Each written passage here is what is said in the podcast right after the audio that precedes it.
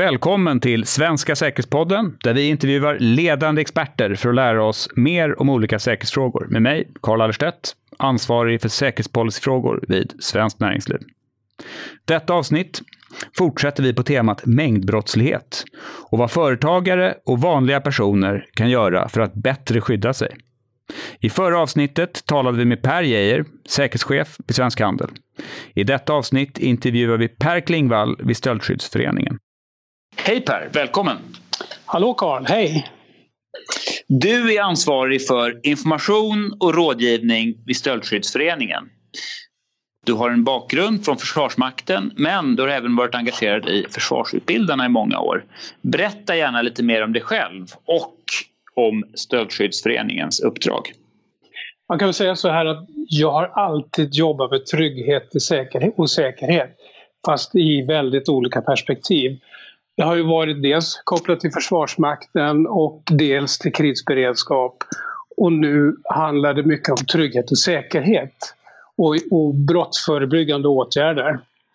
Men sen flyttade jag över till eh, Stöldskyddsföreningen för två år sedan och där jobbar jag ju med rådgivning och kommunikation, precis som du sa, Karl.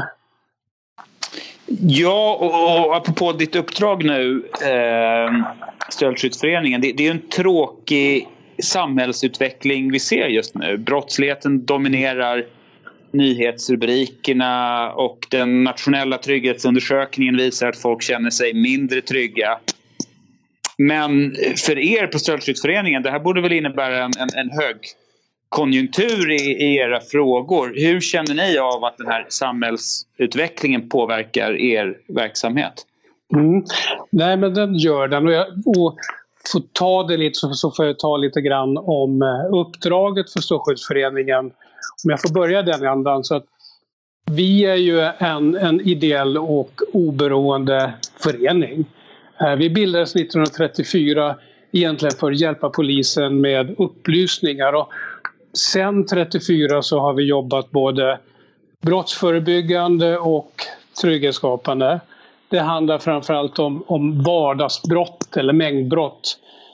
Eh, så att, och det gör vi eh, på många olika sätt.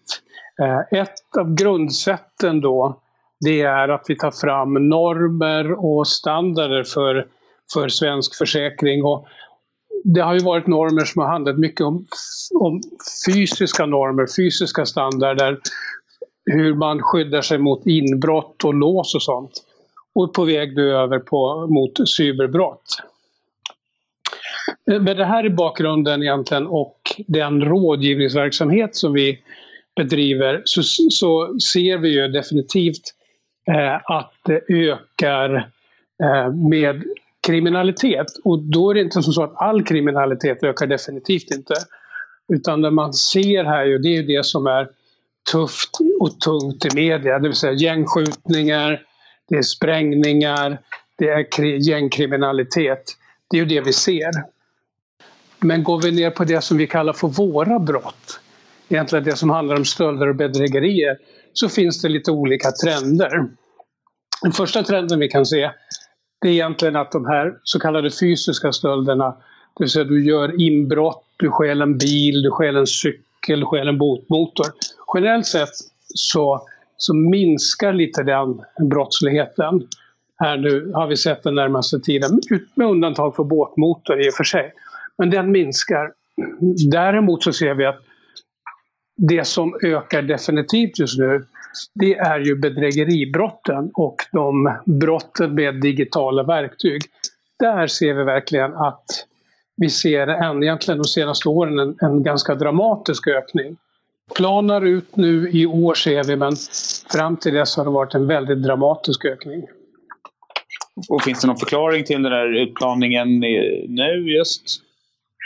Alltså det, det finns, det, det, är lite svårt att säga det där för att det, beror också på vem man lyssnar på. Men det, det kan vara att, att det har, det har, varit en sån kraftig ökning så ser man att nu planar det ut. Polisen börjar vidta åtgärder.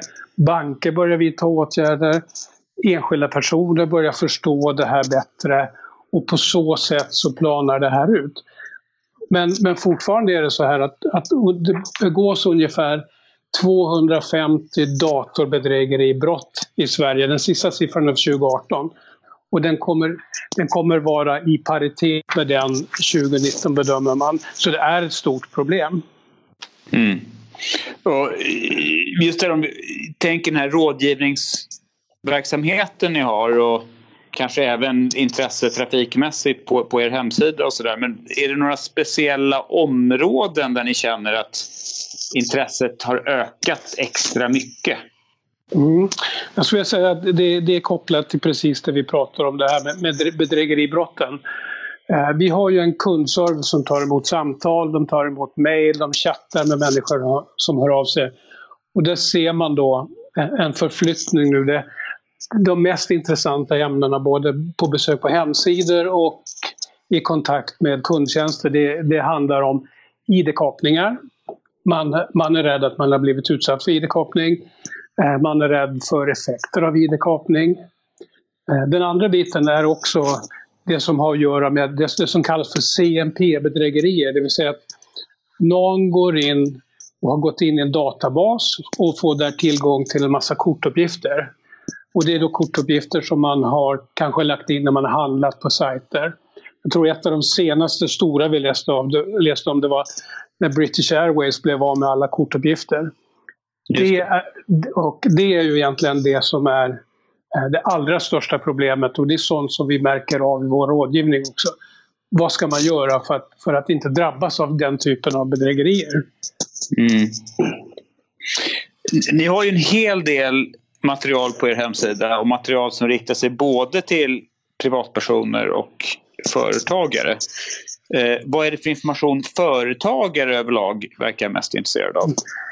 Om man, om man tittar på eh, kontakten återigen med, med vår kundservice och, och framförallt med vår normavdelning. Då, så att mycket handlar ju om eh, de här normerna, det vill säga hur, eh, vad, vad är det för standarder som krävs eh, när man ska, när man ska eh, skapa ett inbrottsskydd handlar väldigt mycket om. Och det är ju allt ifrån arkitekter till företagare som frågar vad, vad ska det vara för låsklasser? Eh, jag har så och så omsättning, jag har den här typen av försäljning. Så man kan säga att där fokuserar väldigt mycket av det företagen kommer till oss. Det som börjar droppa in just nu det är ju frågor som berör cybersäkerhet också. Det har att göra med att vi för ganska exakt ett år sedan tog fram en ny cybersäkerhetsnorm. Och då kommer då lite frågor om den och framförallt från säkerhetsbranschen nu när man ställer krav på att larms, certifierade larmcentraler, då ska de också vara certifierade för informationssäkerhet enligt den normen. Hur tycker, om, om vi tänker beredskapen hos svenska företag, om vi tänker brett här. Liksom, vad har du för känsla hur väl för, förberedda svenska företag är för att hantera brottsrisker? Mm. Jag, jag, tror man är ganska väl medveten om framförallt de här fysiska brotten. Man vet hur man skyddar sig mot ett inbrott. Man vet att man behöver ha ett bra lås.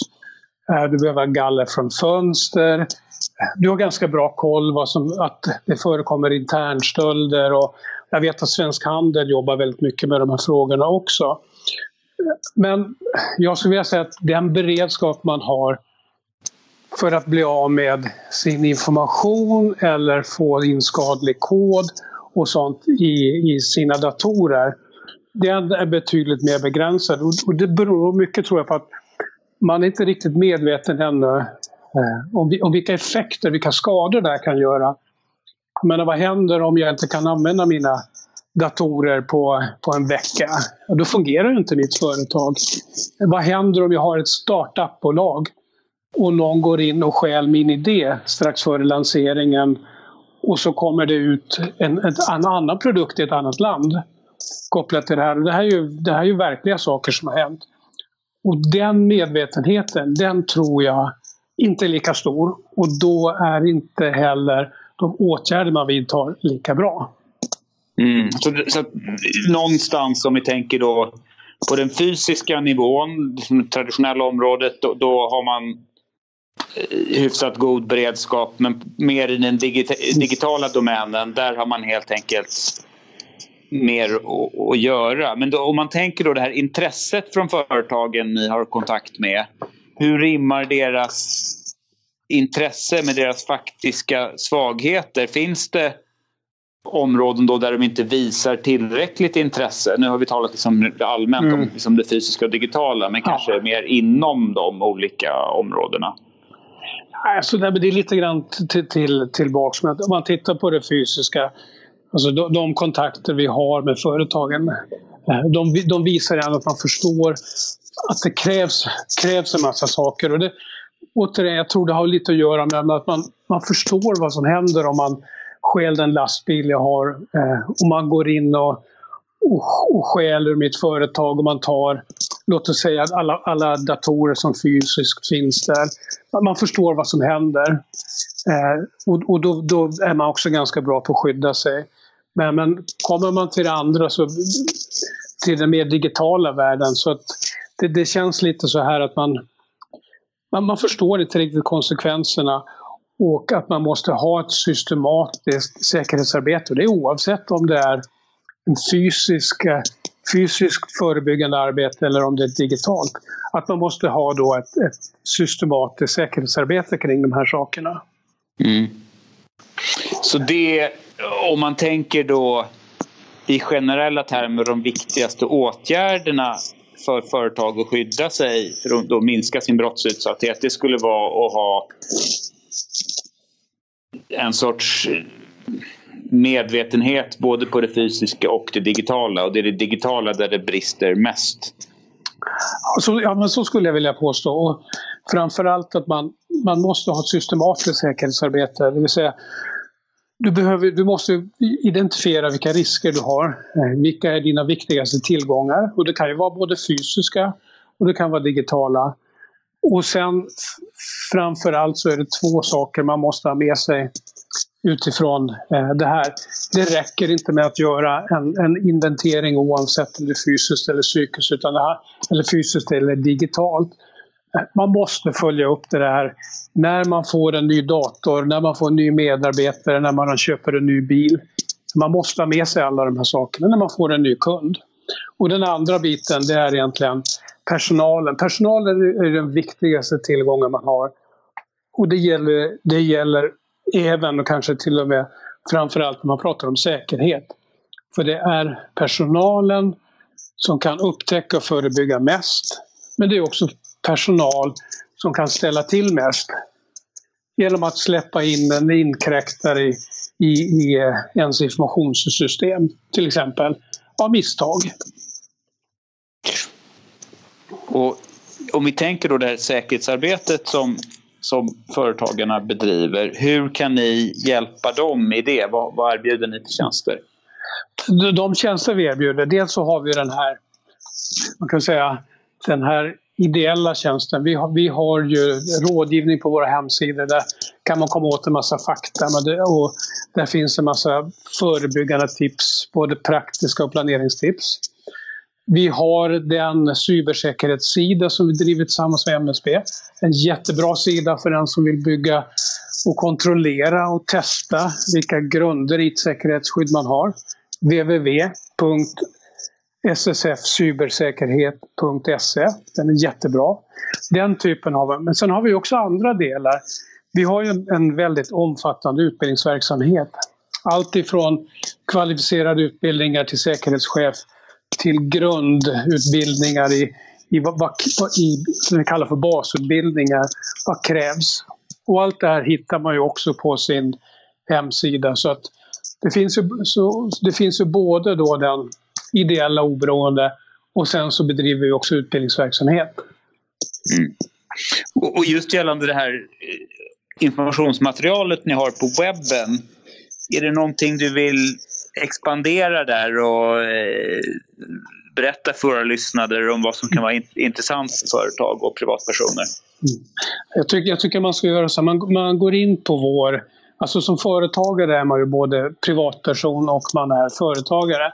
Så vi har ju två delar på vår hemsida. En, en privat och en företag. Jag tycker man ska gå in på bägge två där och så ska man leta rätt på våra säkerhetsguider. Där får man bra tips. Och sen ska man gå in på våran eh, utbildningssida och titta på vilka utbildningar eh, vi bedriver. För det är, ju, det är utbildningar, dels så finns det ju öppna utbildningar, det vill säga med fasta datum. Men framförallt så tycker jag man ska titta på att se till att vi kommer ut till ert företag och hjälper till. Och, och där skräddarsyr man ju säkerhetsutbildningar efter de behov som finns. Och förutom just ert material, eh, finns det annat material, kanske på webben, som du skulle rekommendera företag som vill lära sig mer om att minska riskerna för att bli utsatta för brott? Mm. Jag, skulle, jag skulle gå in, om jag tillhörde handeln så skulle jag definitivt ladda ner handelns app. De har en app där det finns jättebra information och den är väldigt aktuell hela tiden. Så den är bra. Sen svensk det, handel då? Eh, ja, yes. helt, absolut svensk handel. Sen finns ju sidan verksamt.se. Där finns ju mycket grunder man kan hämta hem och en del av det är ju man kan säga, det, det är åt det brottsförebyggande hållet. Sen om man vill veta mer till exempel om cybersäkerhet så har ju MSB en ganska omfattande sida som riktar sig just till informationssäkerhet. Den kräver dock lite mer kunskap så man ska nog ha en IT-avdelning och en IT-säkerhetschef om man ska titta på den. Men det finns en, en del bra. Mm. Och vi själva kommer ju satsa väldigt mycket nu här det närmaste året framöver på att utveckla det som har att göra eh, brottsförebyggande rådgivning kring framförallt digitala brott. Så vi kommer att göra en stor satsning på det här under året som kommer. Mm. Innan vi slutar, är det någonting du tycker är viktigt att framföra till våra lyssnare? Ja, eh, man ska ju alltid ta några sådana här saker. Jag tänkte och då, då tänker jag på företagare egentligen, både som privatperson och, och företag och lite grann vilka är de som är de mest vanliga brotten. Om vi tittar då på, på att man inte ska bli av med en massa pengar på att någon stjäl från ens kort. Då, då finns ett jättebra råd. Se till att alltid ha ditt bankkort låst för internetköp. Det vill säga när du ska gå in och handla så låser du upp det. Eh, och det här vet jag av egen erfarenhet, för i familjen så blev vi av med lite pengar på att någon hade stulit eh, från vårt, eh, hade handlat på vårt kort helt enkelt, och kommit åt kortuppgifterna någonstans i världen. Men, men det har alltid bankkort låst för internethandel. Och sen också som företagare, ha starka lösenord. Alltså en genomsnittssvensk idag har 190 olika lösenord. Det är jättesvårt att hålla reda på dem. Och det bästa sättet att hålla dem starka det är att ha en lösenordshanterare. Då slipper du intrång och en massa saker. Och sen tycker jag faktiskt, och det, det blir mycket, mycket digitalt här, va? men gå in och testa företagets IT-säkerhet på vår sida ssf.cybersäkerhet.se. Jag tycker verkligen det.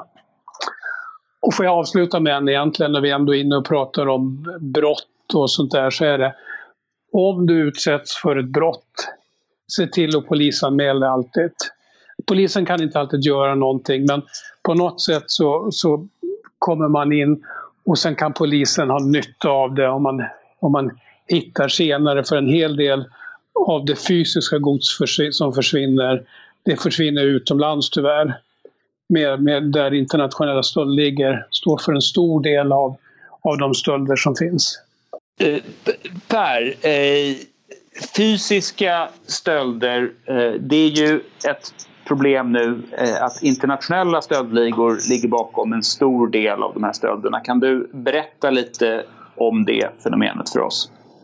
Mm, de internationella stöldligorna är, är verkligen ett stort problem. Om man tittar på då försäkringsvärdet av det de stjäls. Så, så jag tittade lite på statistik från Svensk Försäkring.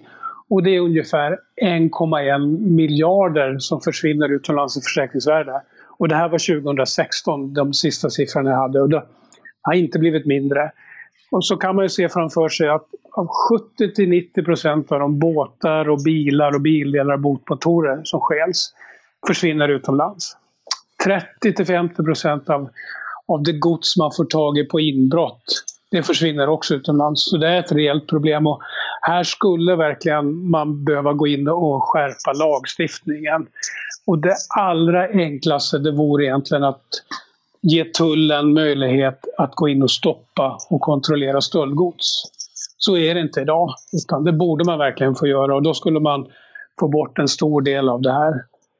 Kombinerar man det sen med att vara bättre på att hindra sådana som man identifierar utomlands som är kriminella att komma in i landet och att man kommer åt ankarplatser, det vill säga där man lägger stöldgodset i väntan på att det ska transporteras utomlands. Då skulle man få bort en stor del av, av det, som, eh, det som de internationella stöldligorna stjäl.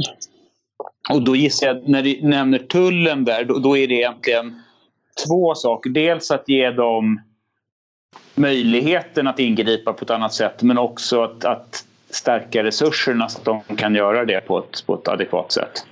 Ja men absolut, det, det är ju alltid så att då får man en, en, eh, ny uppgift så behöver man också resurser till det. Och det är klart att, att, att det kräver eh, mer resurser. Men, men, det får ju inte vara så att man, man stannar av det. Bara att ge tullen den här möjligheten eh, redan idag skulle påverka stöldgods som för ut ur landet ganska mycket. Om vi tänker då också det här eh, stöldgodsfenomenet. Någonstans om man tjänar pengar på att stjäla godsen så säljer man ju det där vidare. Så om vi tänker att fokusera mer systematiskt på häleriverksamhet. Eh, tror du man kan eh, förbättra hur man arbetar på det sättet? Ja, men det tror jag. Och det som krävs då är ju egentligen framförallt ett internationellt samarbete. För att av det stöldgodset som föruts, de, de eh, säljs ju också utomlands. Och det är ju där häleripengarna finns. Och det är där också pengar kan tvättas. Så det, det är mycket handlar ju också om ett, ett polisiärt samarbete över gränser och, och även med sådana som, som eh, ekobrottsmyndigheter och åklagare att man har, att man har bra kanaler ut. Och det har man också idag, det vet jag. Men, men det, det att bygga vidare på det, verkligen. Nu är vi lite inne på policynivån här i diskussionen och är det någonting ni jobbar fokuserat med, Stöldskyddsföreningen, och vad är de huvudlinjerna ni driver då på policynivå? Vad tycker ni är viktigast att regeringen tar tag i? Mm. Det, vi driver just, det, det, vi har drivit i år och kommer att fortsätta driva nästa år, det är just att det, det handlar just om internationella stöldligor, att minska deras möjligheter att begå brott i Sverige. Och det, det kräver ju både ändrad lagstiftning och det kräver också ändrade uppgifter till myndigheter och det kräver omfördelning av resurser. Och sånt. Det, är, det är någonting som vi har drivit i år och kommer fortsätta driva. Tidigare har vi drivit sånt här som hälerikampanj Eh, och handlar mycket om det vi pratade om alldeles nyss, eh, häleri, hälerifrågor. Eh, det vi ser framför oss eh, den närmaste tiden, det är nog mer att vi kommer att fokusera mer vår så att säga, opinionsbildande verksamhet kring, kring digitala brott. För det är där, i och med att brottsligheten nu förflyttar sig från den fysiska världen till den digitala världen, så kommer vi också att lägga betydligt större tyngdpunkt i vår verksamhet där. Utan naturligtvis att, toppa, att tappa bort det som är ursprunget. Va? Men, men det är någonting som vi verkligen kommer att göra. Ja, just den här opinionsbildande. Vi har ju precis haft nu den här Tänk säkert-kampanjen där mm. ni och Svensk Handel och Svenskt Näringsliv och många andra aktörer har varit involverade mm. som, som polisen och MSB har, har, har drivit. Mm. Eh, det blir ju en väldigt viktig del att höja medvetenheten. Hur ser kan man göra mer på det här området? Räcker det med sådana här insatser där man kör en informationssäkerhetskampanj eh, en månad om året? Nej, det räcker inte. Det är min bestämda mening. Det, det, det, kan vara bra för att lyfta upp en topp och påminna lite. Det här, det här måste vara ett ständigt pågående arbete. Eh, vi jobbar ju själva lite grann, lite fast med lite längre kampanjer genom vår Stoppa tjuven, alltså de filmer som vi presenterade tillsammans med Aftonbladet TV. Och där, där är en, en hel del av dem som är kopplade till till mer de digitala brotten, digital säkerhet. Nej, det här är någonting som måste pågå hela tiden och den som behöver veta mer eller den som drabbas behöver ha en punkt så småningom där man verkligen vet att man kan vända sig till och, och få reda på saker och ting och få hjälp. Så det är väl någonting som kommer att behövas. Kampanjer är bra, men det löpande arbetet är ännu viktigare. Ja, Per, stort tack för ditt deltagande här i Säkerhetspodden. Mm, jättekul och roligt att vara med. Som man, roligt att få komma fram, som man sa förr. Tack så mycket. Tack, Carl. Per Klingvall gav oss en del råd. Det finns gott om råd och information tillgänglig. Det viktiga är att göra någonting åt det.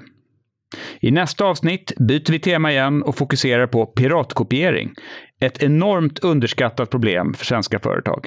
Då intervjuar jag Ann-Charlotte Söderlund. Vi hoppas att ni lyssnar då. Tack för att ni har lyssnat på Svenska säkerhetspodden med mig, Karl Allerstedt. Om du tycker att detta avsnitt eller något annat avsnitt är intressant, tipsa gärna vänner och kollegor om den svenska säkerhetspodden. Tack igen för att du lyssnade.